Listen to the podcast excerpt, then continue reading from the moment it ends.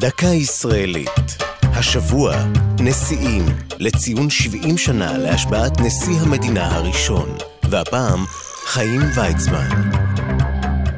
הנשיא הראשון של מדינת ישראל, הדוקטור חיים ויצמן, נבחר לתפקידו בפברואר 1949, עם הקמת הכנסת הראשונה.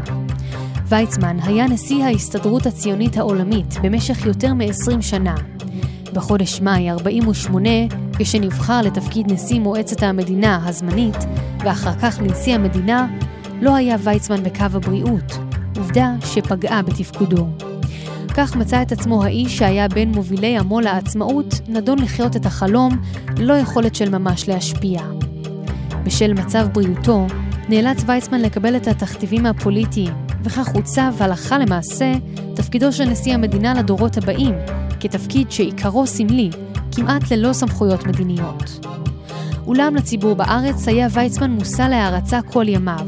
כשהלך לעולמו ב-9 בנובמבר 52, הייתה לווייתו הלוויה הממלכתית הראשונה בתולדות ישראל למופע אחדות לאומית. כחמישית מאזרחי המדינה הצעירה נהרו לעיר רחובות לעבור על פני ארונו.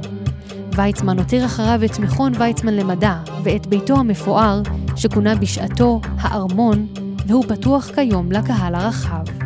זו הייתה דקה ישראלית על נשיאים וחיים ויצמן. כתב יואב אונגר, ייעוץ הפרופסור מוטי גולני, עורך ליאור פרידמן.